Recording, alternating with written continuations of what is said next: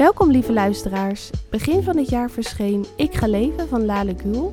En vandaag bespreken wij deze autobiografische debuutroman en vertellen we jou uitgebreid wat wij ervan vinden en wat ons het meest heeft geraakt. Veel luisterplezier! Nou, daar zijn we weer. Gezellig dat jullie luisteren vandaag. En wij hebben vandaag iets leuks, iets nieuws.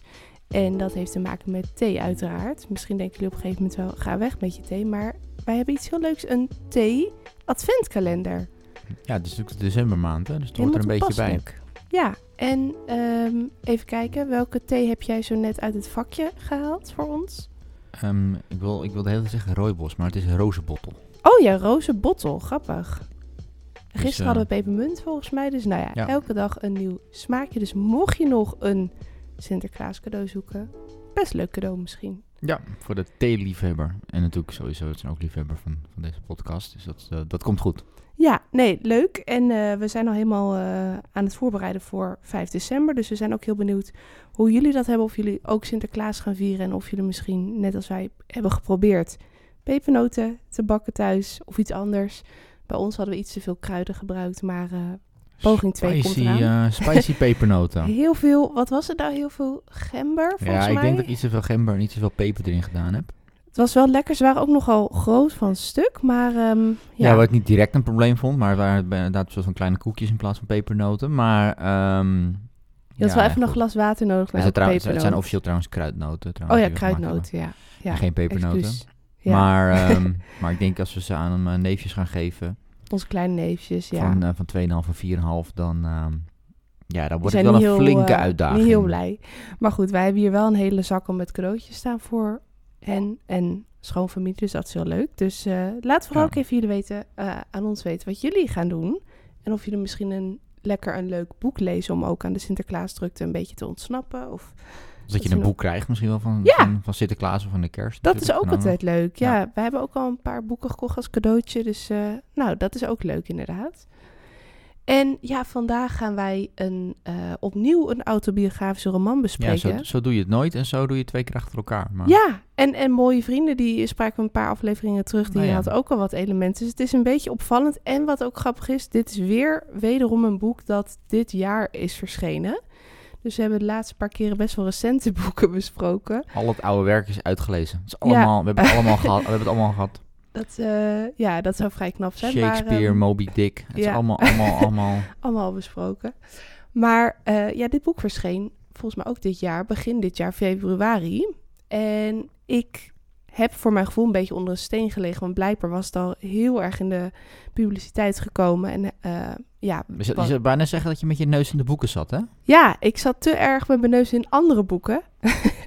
maar hoe ik op dit boek kwam, is eh, dat ik een aflevering zag waarin de schrijver van het boek, Lale Gül, eh, de NS Publieksprijs uitgereikt kreeg. Dat is denk ik twee weken geleden inmiddels ongeveer. En eh, toen was ik wel heel erg benieuwd naar het boek. En het leuke is dat het boek op Storytel staat en ook voorgelezen is door Lale Gül zelf. Ik ga leven. En ehm, sprak het jou gelijk aan toen ik zei van nou, dit, eh, dit zou ik graag samen willen lezen voor de podcast? Goeie vraag eigenlijk. Ik moet zeggen dat ik het niet helemaal direct meer weet. Ehm, ik had... Ja, dat weet ik eigenlijk niet. Ik had eigenlijk een beetje iets, waar gaat het eigenlijk eh, precies over? Want zij is toch best wel relatief jong nog. Voor een ja, een volgens mij autobiografisch boek. 24. Ja, Dus ehm, ja, ik wil op zich, waar ga je het over hebben? Uiteindelijk is het genoeg te bespreken, hoor daar niet van. Maar dat was natuurlijk je je vraag naar mijn eerste indruk, of voordat ik het gelezen had.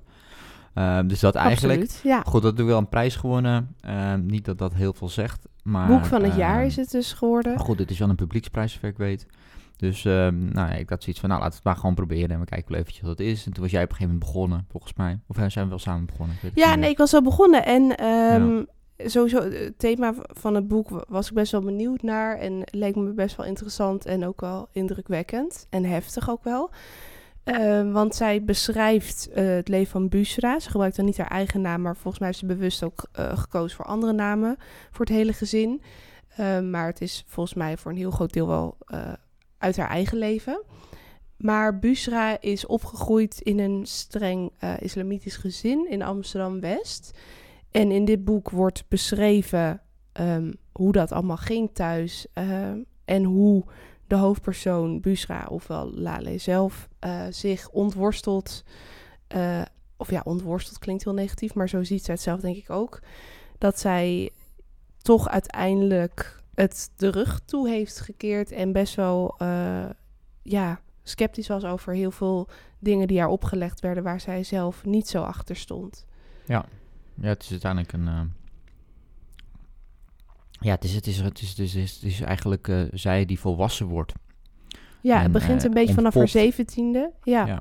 Maar ze neemt ons ook regelmatig mee naar gebeurtenissen uit haar jeugd, van de basisschool en de Koranschool. Want naast dat ze dus eh, naar de basisschool gaat en middelbare school, moet ze ieder vrij moment, dus in haar vakanties en weekenden, naar de Koranschool. En ja, het is best wel streng islamitisch gezin. En Ja, ja, een Turks gezin, hè? een Turks gezin. Ja, ze zijn Turks is, inderdaad. Dat is eh, een, belangrijk eh, element hieraan. Ehm, ze zijn wel heel, ze zijn behoorlijk gelovig. Ik denk dat het nog wel fanatieker kan, maar ze zijn wel behoorlijk eh, heftig gelovig. Haar ouders, Maar, ja. En dan ehm, wordt hun dus ja, het hele gezin eigenlijk, hè? Ja, in het begin zij zelf ook natuurlijk, als kind. En, ehm, en, en- en ook de familie. Maar ze komen uit Turkije. En eh, wat ze zelf op, op een gegeven moment ook in dat boek zegt, is natuurlijk... eh, hè, je bent eigenlijk eerst Turk en daar als tweede pas ben je, ben je eigenlijk moslim. Ehm, Dat de cultuur ook heel veel eh dat die cultuur dingen bij heeft. Turken in ieder geval belangrijker is dan... Nou ja, en ze zegt ook best wel vaak dat Dat heel veel mooie, verfijnde dingen aan de Turkse cultuur zitten. Hè? Zoals gastvrijheid, eh, dingen met elkaar delen, bruiloften worden heel uitbundig gevierd. Ehm, dus het is ook echt niet dat ze daar alleen maar eh, negatief over is, maar meer dat ze zegt, ja, ik kreeg op, om, om me heen leeftijdsgenootjes, die mochten in het weekend wel naar de bioscoop en met jongens afspreken en make-up dragen. En zij moest een hoofddoek dragen en ja, zich volledig bedekken, ook in de hete zomermaanden met, ja... Terwijl haar broer, dat was ook iets waar zij zelf al heel erg overheen viel. Haar broer, die, ja, die mocht wel in de zwembroek rondlopen en een vriendin hebben en werken. En zij niet als vrouw. Dus dat is wel wat regelmatig wordt aangehaald in het boek. En, en wat vond je van de schrijfstijl? Want persoonlijk vond ik dat zelf gelijk wel kenmerkend. eh, wat bedoel je dan specifiek met de schrijfstijl? Nou ja, ze gebruikt wel. Ze heeft een bepaalde stijl van schrijven dat ze bepaalde woorden gebruikt en dat ze best wel poëtisch soms dingen verwoordt en uitdrukt. Vond jij dat niet? Dat je dacht van, Oké, dat bedoel je, ja. ja, Ja, nou, ik moet zeggen dat ik daar... Ja, daar vind ik wel wat van misschien. Eh, vertel. Ehm, nou, ik, het, is, het is complex, laten we daarop houden, denk ik. En ook hoe ze het geschreven heeft. Eh, het enige wat ik soms wel... Ze, ze doet eigenlijk twee... Je, je krijgt het idee dat ze het bijna soort van twee schrijfstijlen op nahoudt als je het boek leest. Vind ik. En de- Mhm. de ene is heel erg, zeg maar, haar, haar interne monoloog. En de andere is, zeg maar, gewoon monoloog tussen karakters. En eigenlijk haar... in- ja. en haar interne mon- monoloog is, is inderdaad bijna eh, poëtisch en, en eh, zeg maar daar soms iets te veel, denk ik. Maar goed, dat was heel erg mijn ding. Ik had af en toe het idee dat ze ieder woord... eh, dat, ze, dat, ze, dat ze eigenlijk het, het verhaal had geschreven en achteraf dacht van... oh, we moeten er eigenlijk nog wat moeilijke woorden in stoppen. Dus, en even de, andere vertalingen voor dingen. En eh, dus laat ik dat erheen doen. Nou, wat Ehm, ik las in een interview, of wat ik hoorde in een interview wat ze vertelde, is dat ze zei van, toen ik het boek wilde schrijven, ik had een paar eh, doelen. Sowieso wilde ik het van me afschrijven en het gewoon de wereld inslingeren wat mij allemaal is overkomen. Maar tegelijkertijd had ik ook een soort, ja, bewijsdrang om te laten zien dat mijn Nederlands heel goed is en dat ik mooie woorden kan gebruiken en dat ik in staat ben om zo'n boek te schrijven. Dus dat vond ik wel grappig dat ze dat aangaf, want dat was gelijk iets wat mij opviel tijdens het lezen, dat ze inderdaad niet neerzetten, zeg maar, positioneren of, of dat soort dingen de hele tijd. En dat ze dus wel aangaf dat ze dat ook, denk ik, dan bewust zo heeft eh, opgeschreven. Ja, en het, het, het, dat enige dus wat ik daarmee had, is dat het, het, het voelt soms iets te bewust aan. Als het, het voelt soms een beetje geforceerd aan. Soms te geforceerd Net even te veel andere woorden gebruiken. Hè, een van de dingen, en dat is waarschijnlijk heel bewust, want ik denk dat dat een stukje is voor haar persoonlijk misschien om afstand te houden, is natuurlijk dat ze altijd haar ouders de verwekkers noemt. Ja, de Eh, verwekkers. Niet haar Ja. ouders, maar ook op een gegeven moment inderdaad, dat er, ik, ik, er zit een stukje in over dat het, eh, over met haar tante en zo. En op een gegeven moment is het letterlijk inderdaad, het, eh, het kan haar aan haar anus oxideren of zo. ja, over de oma. Ja, dat, dat, maar dat best- is heerlijk om te lezen. Dat is heerlijk om te lezen, het is ook wel grappig, maar ik moet wel zeggen dat het op... ja, soms is het iets te veel. Zeg maar, alles krijgt... Een eh, weet je, het is niet dat ik ja. het niet kan volgen of zo. Alleen dat je wel denkt van ja, het lijkt bijna alsof ik een normale, een normaal verhaaltje vertel. En daarna denk ik, oké, alle uitdrukkingen of alle, alle hm, woorden die ik, ik kan vertalen naar een andere, Ja, complexere niet manier. echt vertalen, maar of, ja. of naar een andere manier ga ik dat doen. Ehm, maar goed, dat is, eh, dat is dat iets te schrijfstijl. Ja, ik snap wat je bedoelt. Ik vond het zelf wel heel fijn om een keer zo'n boek te lezen. En dat je ook weer allemaal mooie woorden leert of hoort. Dat je denkt, oh ja, dat, ik vond het wel net als wat we toen zeiden met Jeroen Brouwers. Mhm. Dat ik dacht van, het is wel echt smullen, zeg maar, tijdens het lezen. Het is, het is, het is, ze zegt ook, ik wil per se niet iets schrijven wat al te toegankelijk is. Maar, nou ja, wat ik zei, gewoon laten zien dat ik ook een eh, mooi boek kan schrijven met... eh, Ja, voor mij is het niet per se dat het niet toegankelijk is of zo. Alleen in, het, het voelde voor mij nog niet helemaal aan. En dat is op zich ook niet. Het is natuurlijk haar debuutroman, ja, roman, of hoe je het noemen. Maar, Ja, debuut. Roman. het is in ieder geval een debuut, ja. Of de roman is dat. Goed. Ja, ze noemen het een autobiografische Ja, roman. maar goed, daar kunnen we een beetje, daar hoeven wij niet een discussie over te voeren. Ehm, maar ik, ja, je merkt nog dat er denk ik een stukje onervarenheid zat in haar schrijfstijl, vond ik. Maar goed, dat, het, qua, qua, het voelde niet heel authentiek aan soms hoe, de, hoe die dingen erin geplakt waren. Maar goed, dat is, eh, dat is het ene gedeelte. En het Ik heb daar trouwens, sorry, ik, Ja? ik heb wel heel veel een stukje om dat te illustreren. En dan wil ik daarna heel graag horen wat je ben nog ik meer benieuwd over of wilde ik, zeggen. eh, of ik het dan wel goed vind. Ja, sowieso vond ik dit los van omdat het dit eh, illustreert ook wel ja, typerend voor het boek zelf. Dat ze geen blad voor de mond neemt en gewoon zegt wat ze denkt. En dat ze, hoe ze het zelf ook eh, heeft gezegd, onverbiddelijk is in het boek. En dat vond ik over dit stukje absoluut. Zelf heb ik een inherent wantrouwen ontwikkeld tegen religie waar ik mezelf niet van af kan brengen. Religie heeft een immense kracht. Veel mensen in Nederland zijn haar bewogenheid uit het oog verloren. De gedachte dat een bepaald probleem achterhaald is, kan onverwachts achterhaald blijken. Religie esthetiseert het leven. Zij omzoomt de bestaanshorizon met mythologie. Doordrenkt zelfs de meest banale handelingen in het leven met betekenis en spiritualiteit. Voor velen een honger die gestild moet worden. Dat maakt haar een intoxicatie, vergelijkbaar met drugs. Het is krachtig, het maakt de mens intens gelukkig, omdat het appelleert aan onze oerbehoefte een eenheid met het zijn te bereiken. Je geeft je, Je geeft je individualiteit prijs door te participeren aan iets wat groter is dan jezelf. En dat maakt het ook zo gevaarlijk. Je geeft je autonomie op, schakelt het denken uit, je onderwerpt je onvoorwaardelijk aan een transcendente. Het is een bedwelming. Waar de eenling weer bij drang, heeft de massa haar gebeden, verzen en leuzen. Het leidt daarom tot fanatisme, zelfopoffering en kuddegeest. Als je religieus bent, ben je geen persoon. Je tracht wel bewust een soort karikatuur te worden. Is dat een beetje wat aansluit bij wat jij bedoelde? Of wat vond je dan van dit fragment? Ehm, inhoudelijk of textueel? Ja, Eh, beide. Ja, dit was mij persoonlijk wel bijgebleven, omdat ze zo die vergelijking maakt met drugs en re- religie. Ja. ja, ik moet zeggen dat ik deze nog op zich qua nog mee vind vallen qua, qua, qua woordgebruik. Maar ehm, in vergelijking met sommige andere hoofdstukken. Maar ja, inhoudelijk, ja, inhoudelijk is dit, dit natuurlijk wel wat zij, wat zij doet. Hè? Ze zit soms wel op het scherpst van de snede. Ehm, inderdaad, door, door de religie met drugsgebruik ehm, te vergelijken. Niet dat ze daar denk ik een, een verkeerde conclusie trekt. Alleen is dat wel, denk ik, ehm, hetgene wat, wat, wat natuurlijk wel...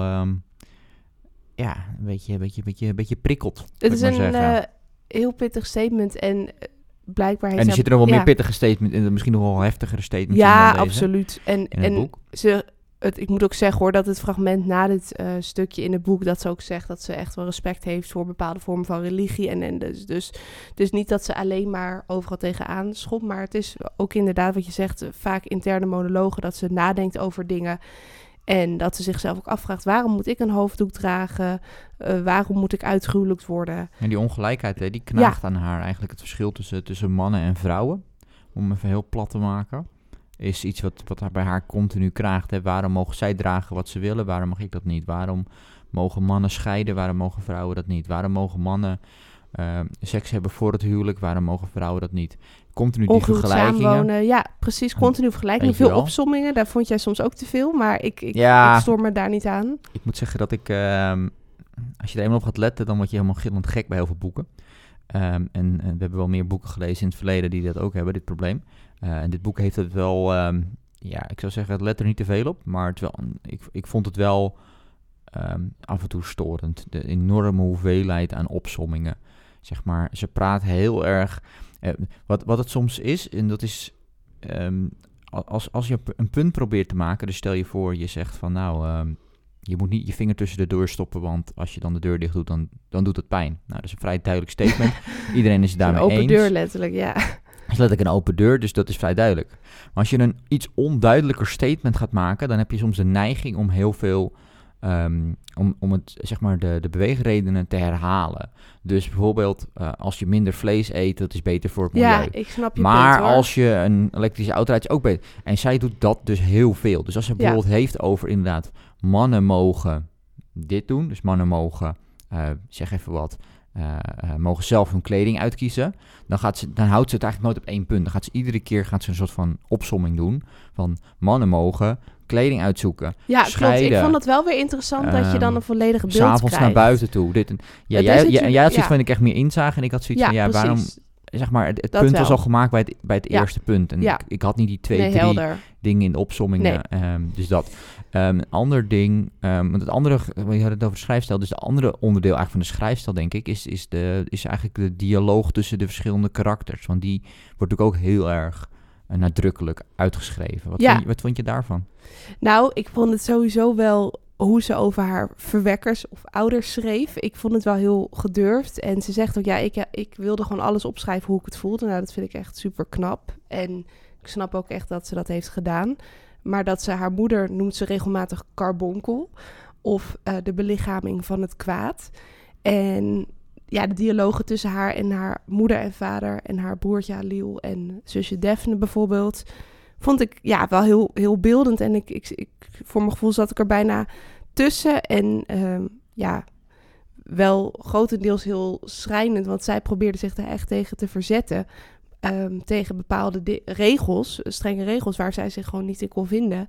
Maar er was gewoon helemaal geen mogelijkheid om, hoe zij dat dan in dit verhaal beschrijft, was er geen mogelijkheid om daarover van gedachten te wisselen. Ze moest zich gewoon eraan houden, klaar. Ehm, en dat vond ik wel krachtig opgeschreven. Eh, ze heeft natuurlijk ook zelf meegemaakt. Dus ik vond ja, die dialogen levens echt. En ik, ik zag het echt wel voor me. Dus het is denk ik echt wel een, een grote inkijk in een eh, streng islamitisch gezin. En jij?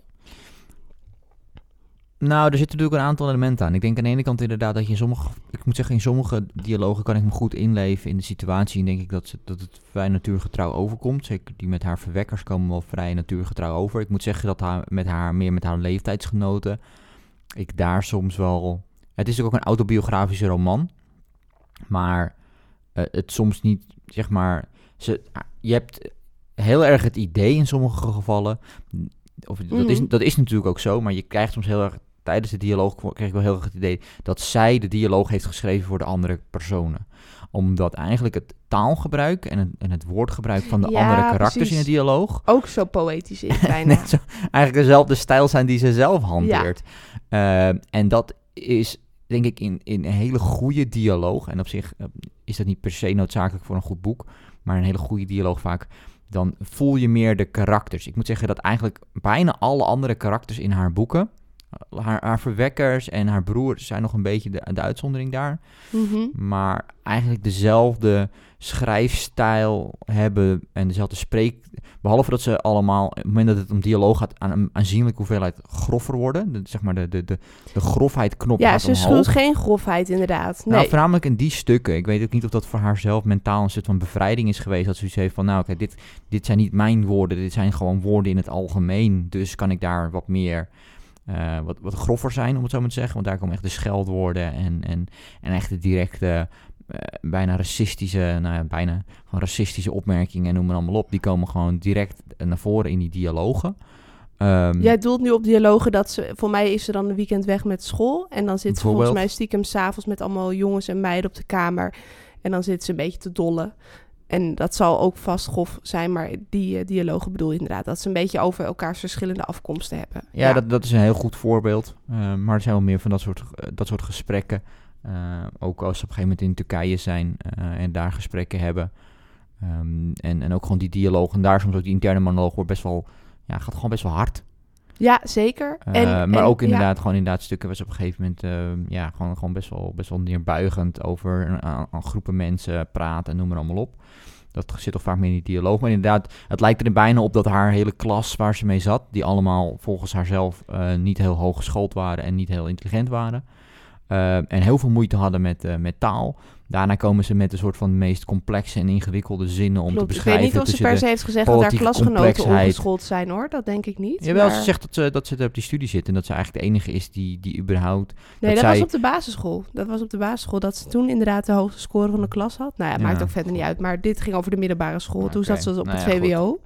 Maar ik snap wat je bedoelt hoor. Dat het Eh, soms een beetje zeggen. ongeloofwaardig is dat mensen Ja. van 16 die woorden gebruiken. Ja, plus dat ze allemaal eigenlijk dezelfde... Niemand, dat is gewoon het, he- dat is, dus, dat is vaak het mooie juist aan dialoog. Dialoog zorgt er juist voor dat je eigenlijk een stapje richt, eh, dat je, dat je verschillende invalspunten, hè, invalskijken, en blikken hebt op een, Oké. op een onderwerp. Maar, Maar- ook op verschillende manieren van schrijven. Eh, en, dat, en dat miste ik een beetje daar. En los van de dialogen, ik denk wel dat het een vrij uniek boek is dat zij zo heeft opgestaan en dat ze zo openlijk heeft durven schrijven over haar familie en dat ze zich wilde onttrekken aan de regels en dat ze vrij wilde zijn en Ja. zichzelf wilde zijn. Ehm, nou Ja, want je zei natuurlijk ook van dat is wel heldhaftig dat ze dat gedaan heeft eigenlijk, of wel dapper. Ja, dat is ook eigenlijk gek dat we dat... het- ja, het is heel dapper van haar geweest, maar, maar je het is eigenlijk gek dat dat nodig is. Het is Ja, eigenlijk gek dat, ze dat, dat, ze dat, ze, dat dat dapper is eigenlijk, hè, maar... nou en laat staan, zij, ehm, zij is eh, enkele maanden nadat haar boek is verschenen, kreeg zij zoveel gedoe over zich heen vanuit de gemeenschap en vanuit de familie dat ze uit huis eh, is gegaan. En dat ze nu, ik weet niet hoe het nu op dit moment is, maar wat ik uit eerdere interviews begreep, is dat ze letterlijk ondergedoken is op een geheim adres. Omdat ze echt talloze doodsbedreigingen ontvangt. En dat ze ook allemaal rechtszaken heeft tegen mensen die zij helemaal niet kent, maar die haar gewoon, ja, de ergste bedreigingen hebben toegezonden. Dat is toch echt dat je denkt, ongelooflijk. Het heeft zoveel losgemaakt. En ze zegt, ik had wel verwacht dat het iets zou losmaken, maar dit had ik gewoon niet verwacht. Gelukkig heb ik begrepen dat ze ook heel veel positieve reacties krijgt van mensen die zich in haar herkennen. En niet alleen moslims, maar ook mensen met andere strenge eh, religies, ook christenen bijvoorbeeld. Dus dat ze ook heel veel berichten krijgt van mensen die zich in haar herkennen en die haar zien als een soort, ja, bijna boegbeeld. Maar dus ook, eh, ja, ze kan dus niet meer terug naar haar familie. Dat is toch onvoorstelbaar. Ja, dit is natuurlijk, dit, het, gaat uiteindelijk natuurlijk over, ehm, over, over onderdrukking. Hè. Ze wo- dit soort mensen worden onderdrukt eigenlijk. eh, onder het mom van eh, we zijn familie en we zijn religieus, et cetera. Ehm, niet, eh, niet zo lang geleden zaten we nog een documentaire te kijken over van, van, van Louis Theroux. Over van die cult, culten in, in Amerika. En daar zie je eigenlijk hetzelfde eh, natuurlijk een beetje gebeuren. Is dat, dat dat je eigenlijk een onderdrukking hebt en uiteindelijk zie je dat sommigen zeg maar eruit springen die zeggen van nou weet je ik neem hier afstand van voor ik, ben, mezelf, ik kies ja. voor mezelf en daarna ook geen contact meer mogen hebben van hun, van hun moeder of van hun eh, familie en noem maar moeder, ja. want eh, dat zijn dan de zondenaars of wat dan ook dus die zijn eruit gezet en dit dat ja goed dus je ziet het op meer plekken inderdaad ik denk dat het en ik, maar ik denk dat het, het is goed geschreven, het is goed verwoord. En, en als mensen daar kracht uit kunnen halen om dit voor zichzelf ook die vrijheid te kunnen eh, vinden, dan is het natuurlijk eh, eh, fantastisch. Ja. Jammer dat het natuurlijk de kosten gaat nu van haar Ze een hele vrijheid op een andere-. Ja, op, een andere, op een andere manier. Maar laten we hopen dat dat, dat, dat een beetje, een bijtrekt beetje ook. bijtrekt. En hopelijk dat ze gewoon weer snel gewoon weer, weer normaal kan leven. Nou, het, het, het, nou ja, het eh, opvallende is ook dat ze dus berichten ontvangt van oudere mensen die zeggen: ja, vroeger toen ik als vrouw wilde werken, was het precies hetzelfde, zeg maar. Dus dat die zich ook in haar herkennen. Dus dat het eh, heel veel jaar geleden in Nederland dat, dat het ook niet zo vanzelfsprekend was dat je als vrouw fulltime ging werken, bijvoorbeeld, en ging studeren. Kijk, 100, jaar, gel- 100 jaar geleden, heel simpelweg, 100 jaar geleden waren er geen eh, vrouwen in het leger. Geen, of nou, zo goed als geen vrouwelijke professoren of wat dan ook. Ehm, vrouwen werkten in principe niet. Vrouwen droegen vaak nog een hoofddoek in Nederland ook. Dus dat is niet alleen de Dus- islam, maar dat was gewoon overal. Nee, dat, eh, veel religies hebben dat soort dingen. En, veel culturen die, die onderdrukken dat. En je ziet dat daar eh, nou, je ziet er heel, heel veel verschillende redenen voor zijn waarom dat uiteindelijk verandert. Eh, maar ja, je ziet wel dat dat een ding is. En, en ja, zoals ze zelf ook al zegt, die, die, die Turkse cultuur hier, die, die loopt gewoon op achter. Ehm, en en dat, dat zie je een beetje terug daarin. Nou Wat ja, op zich niet heel gek is, want Nee, precies. Kijk, wat je vaak ziet, ehm, ik moet denk, altijd denken aan een, ehm, je hebt zo'n je hebt zo'n sch- zo'n Schotse co- comedian die dan eh, op een gegeven moment gaat hij naar Canada toe. Daar zijn allemaal, Canada, eh, allemaal Schotten zijn daar geëmigreerd naar Canada. Dus hij komt daar aan en hij vindt zichzelf nogal Schots, weet je wel. Dik Schots accent en eh, nou, noem maar allemaal op. Eh, Schotse vlag op zijn jas en weet ik het allemaal. En dan komt hij daar aan in dat do- dorpje in, eh, in Canada. En daar zijn ze letterlijk, loopt iedereen nog met een kilt. Zijn ze boomstammen aan het werpen. Hebben ze allemaal Schotse spelen iedere weekend. En weet, weet je wel, dat is een soort van de meest traditionele... Alsof, het gewoon, alsof 200 jaar de tijd heeft stilgestaan. Juist Ja. omdat je zeg maar emigreert, verlies je die cultuur om je heen. En hou je er zelf extra aan vast om het, om, het, om het te behouden. Dus dat zie je wel vaak natuurlijk met mensen die Nou, en ze emigreren. toont ook wel begrip voor haar ouders. Want ze zegt ook, ja, ze zijn eh, als analfabeet een aantal jaren geleden vanuit Turkije naar Nederland gekomen. Ze kunnen niet lezen of schrijven. En zij zijn zo opgevoed dat het zo hoort, de cultuur en de gebruiken en de regels. Dus zij houden zich daar aan vast. En dat is ook niet wat ze hen kwalijk neemt, volgens mij. Maar meer dat ze haar het opleggen. en Dus niet naar haar willen luisteren wat zij nodig heeft. En dat vond ik wel een mooie, eh, mooi fragment. Dat ze op een gegeven moment eh, kinderen uit haar klas worden voorgelezen. Ze speelt wel eens bij vriendinnetjes toen ze klein was. En dan wordt ze daar voorgelezen. En eh, op een gegeven moment zegt ze ook tegen haar moeder van... ja, jij kan me niet voorlezen, dat is helemaal niet erg. Maar ja, dat vind ik wel jammer. En dan eh, pardon, gaat die moeder... Die koopt een eh, boek uit, de, of die haalt een boek uit de bibliotheek, want boeken kopen, daar was geen geld voor. Maar dan gaat haar moeder toch haar proberen voor te lezen aan de hand van de plaatjes. En dat, dat waardeerde ze dan wel weer aan haar moeder. Dat ze gezien werd en dat haar moeder naar haar luisterde. Dus, dat, dus in die zin is ze niet alleen maar eh, aanvallend tegen de ouders. Nee, ik moet zeggen dat. Nou ja, ik ben zelf dan opgegroeid eh, in een, op, een, op een school waar... eh, of ik ben opgegroeid in een wijk waar, denk, nou, ik denk ongeveer de helft van, de, van de mensen die daar woonden waren van Turkse afkomst. En ook op mijn school was eigenlijk hetzelfde liedje. Dus ik moet zeggen dat ik daar heel veel, heel veel herkenning in heb. En ook heel veel van mijn vrienden van vroeger, die, die, die zaten in dezelfde situatie. Er waren dat wel eh, voornamelijk eh, eh, jongens, moet ik zeggen. Want Ja. dat, als je het boek hebt gelezen, dan snap je waarom dat voornamelijk jongens waren. Ja. Contact met de, met, met, met, met vrouw, met zeg maar de meiden was, Meisjes. was gewoon, was gewoon vrij, vrij moeilijk. Daar, werd- daar werd wel echt op neergekeken. Eh, meer naar de vrouwen toe dan naar mij toe, hoor. Maar, maar dat is Het mocht gewoon niet, dat was gewoon eigenlijk. niet. Nou ja, Ja, ik moet zeggen- strenge moslims. Ik moet zeggen dat, dat, ik, dat ik, ja inderdaad, ik moet zeggen dat het niet, dan zo heb ik dat in ieder geval niet als kind ervaren, dat het daar niet mocht. Dat kan misschien te maken hebben met hoe ik het toen de tijd gezien heb, misschien ook met onze leeftijd, heeft het ook voor. Hè? Het is nog voor de, wat was voornamelijk nog op de lagere school, dus namelijk wel voor de puberteit, ook wel op de middelbare school, maar daar, ehm, daar was ik daar denk ik iets minder mee En het bezig. begin denk ik ook pas als meiden wat, Ehm, wat groter zijn en ja, als ze een hoofddoek gaan dragen. Dus, ehm, maar, maar bijvoorbeeld heel- wat je daar heel erg herkent is natuurlijk dat ze eigenlijk heel veel woonden in, in kleine appartementjes. Omdat ze ook vaak van hun geloof niet geld mogen lenen. Eh, dus ze kunnen geen hypotheek aangaan om een huis te kopen. Dus zaten ze vaak in, in kleine appartementjes. Nou, dat is ook iets wat hier in het boek natuurlijk terugkomt. Is dat ze eigenlijk in een te klein appartement wonen voor Ja. het gehele gezin. En dat ze zich een beetje schaamden als de docent langskomt. En dat de docent altijd weer zei van... joh, jullie wonen wel heel klein met z'n met z'n allen. En Ja, ik had ook een vriendje inderdaad, die woonde met twee stapelbedden. Eigenlijk voor mij dezelfde situatie als hier. Die hadden twee stapelbedden staan in, in, in de slaapkamer dan. En dan, zeg maar de ouders, de, de kamer, slaapkamer van de ouders. En dan die vier kinderen, die sliepen daar. En, ehm, en de, de, de leeftijd was inderdaad, de jongste was twee jaar uit mijn hoofd toen de tijd op een gegeven moment. Die heb ik nog geboren zien worden. Die was, en, daar dan tot, ja, en, en de oudste was volgens mij op dat moment 15 of zo. Dus er zit een, een kind van twee en een kind van 15 slapen in dezelfde kamer. En dan nog twee kinderen ertussen. kijk, Nederlandse gezinnen kunnen dat natuurlijk ook hebben. Zeker. Maar, oh, zeker. ehm, maar inderdaad, dat is wel wat zij ook in het boek heeft beschreven. En, nou, ik denk dat voornamelijk daar de oorzaak... Kijk, de oorzaak vaak, ik denk, want wij hebben zelf... Toen ik, eh, de, toen ik zelf op, me, op mezelf ging wonen, zaten we ook in een klein appartement. Je bent er op een gegeven moment ook bij ingetrokken. En daar zag je ook dit soort, dit soort situaties. Alleen vaak is het zo dat, dat, dat, dat de reden daarvoor is dat er vaak iets mis is gegaan. Ze hadden schulden, eh, er zijn andere dingen niet goed gegaan, een alcoholverslaving of wat dan ook. Dat is vaak de nou reden ja, en als vrouwen niet mogen werken... en kinderen. En bij, maar bij de, inderdaad, bij de Turkse gemeenschap zie je vaak dat het mee te maken heeft dat de, dat de vrouw niet ma- ma- mag werken. Dus, dus er is maar één of inkomen. nou, bepaald werk misschien.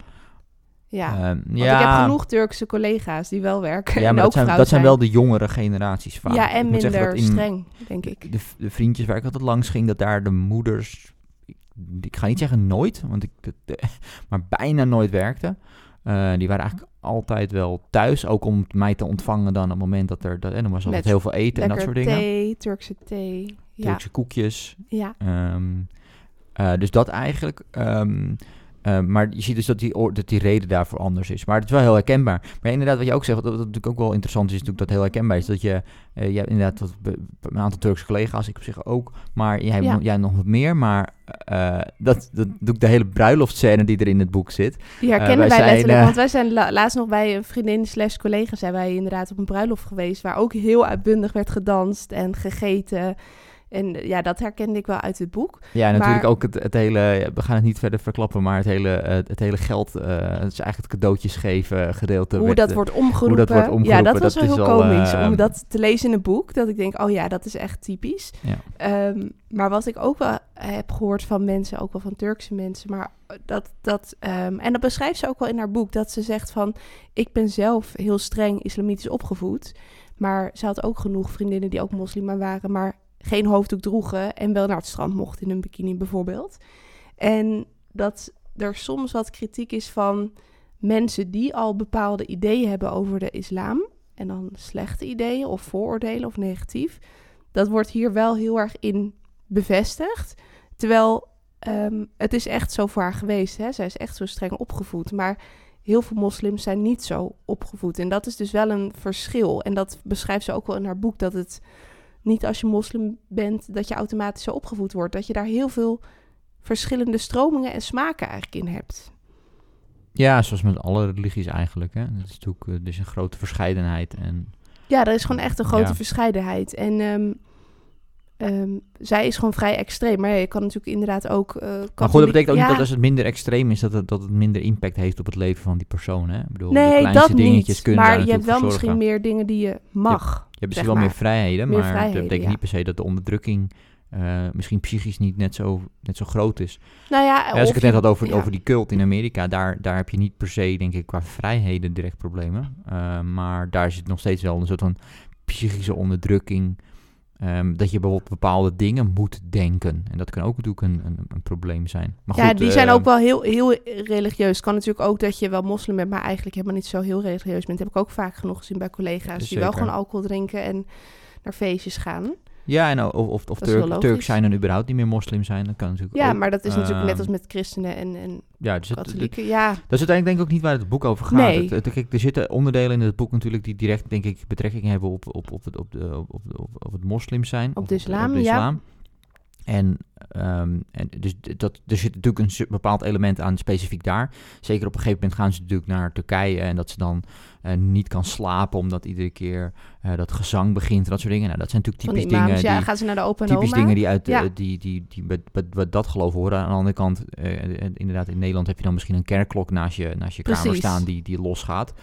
Eh, en hier dus- moet je naar een ander land reizen, omdat daar nog veel dus het zijn verschillende, ja. dus zijn verschillende. Sommige elementen zijn wel wat meer specifiek, ehm, maar overal gaat het boek natuurlijk gewoon over, over onderdrukking en over vrouw, eh, vrouw mogen zijn, zeg maar. Mogen, eh, die, die soort van die strijd tussen gelijkheid tussen mannen en vrouwen. Dat is uiteindelijk natuurlijk een beetje waar het over gaat. Waarom mag een man dit wel en waarom mag een vrouw dit dan niet? Waarom mag een, weet je, dat is natuurlijk wel een van haar van haar elementen. Dat is ook één ding. Ik denk als je dat hele element zeg maar weg zal halen uit haar gezin, als zeg maar gewoon wordt gezegd van oké, zij wordt gelijk eh, behandeld als haar broer, denk ik dat eigenlijk haar het grootste gedeelte van haar probleem wat ze ermee heeft met de hele situatie opgelost zal zijn. Dat Niet alles. zonder de hoofddoek naar buiten mag. Ja. En foto's mag posten die ze wil. Ja, en kijk, niet alle problemen zijn denk ik opgelost. Want ik denk dat ze nog steeds wel een mening zou hebben over misschien trouwen met je neef en, en, en Dat komt ook aan dat bod. soort dingen. Ja. En dat zijn natuurlijk dingen die ook voor de, voor de neef eh, telt, zeg maar. Dus dat zijn punten die voor mannen en voor vrouwen tellen.